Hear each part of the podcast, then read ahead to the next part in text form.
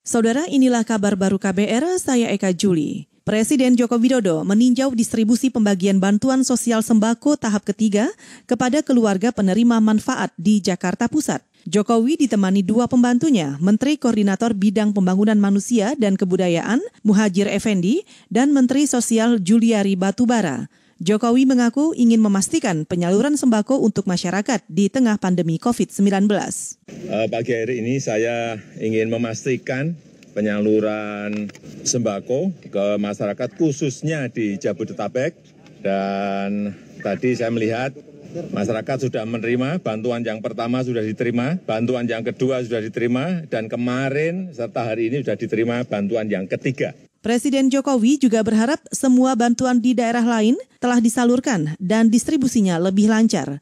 Pekan lalu, Jokowi juga meninjau penyerahan bantuan sosial tunai di kantor pos kota Bogor.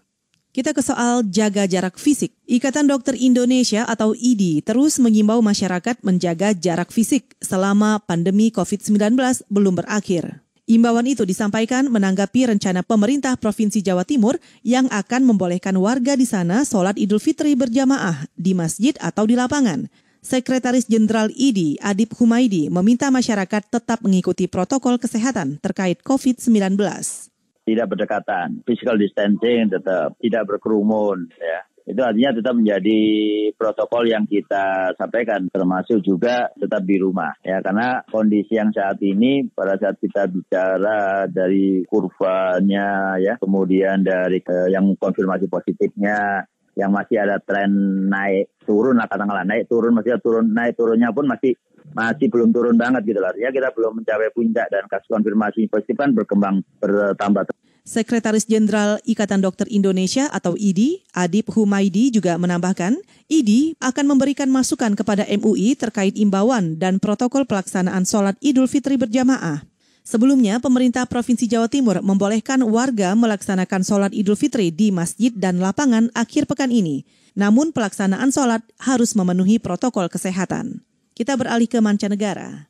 Pemerintah Qatar mengancam akan menjatuhkan hukuman hingga tiga tahun penjara bagi masyarakat yang tidak mengenakan masker ketika keluar rumah. Kebijakan ini dikeluarkan sejak pekan kemarin untuk mencegah penularan virus corona. Pasalnya saat ini sudah ada 30 ribu warga terpapar COVID-19, 15 di antaranya meninggal. Mengutip AFP, warga Qatar juga terancam terkena denda 55 ribu dolar Amerika atau sekitar 818 juta rupiah jika keluar rumah tanpa mengenakan masker. Namun aturan itu tak berlaku bagi warga yang mengendarai mobil seorang diri. Polisi di Qatar juga mulai mensosialisasikan aturan tersebut kepada pengendara mobil dengan cara menghentikan mobil di pos-pos pemeriksaan. Selain penerapan hukuman, pemerintah Qatar sudah menutup tempat umum seperti masjid, sekolah, pusat perbelanjaan, dan restoran. Saudara, demikian kabar baru. Saya Eka Juli.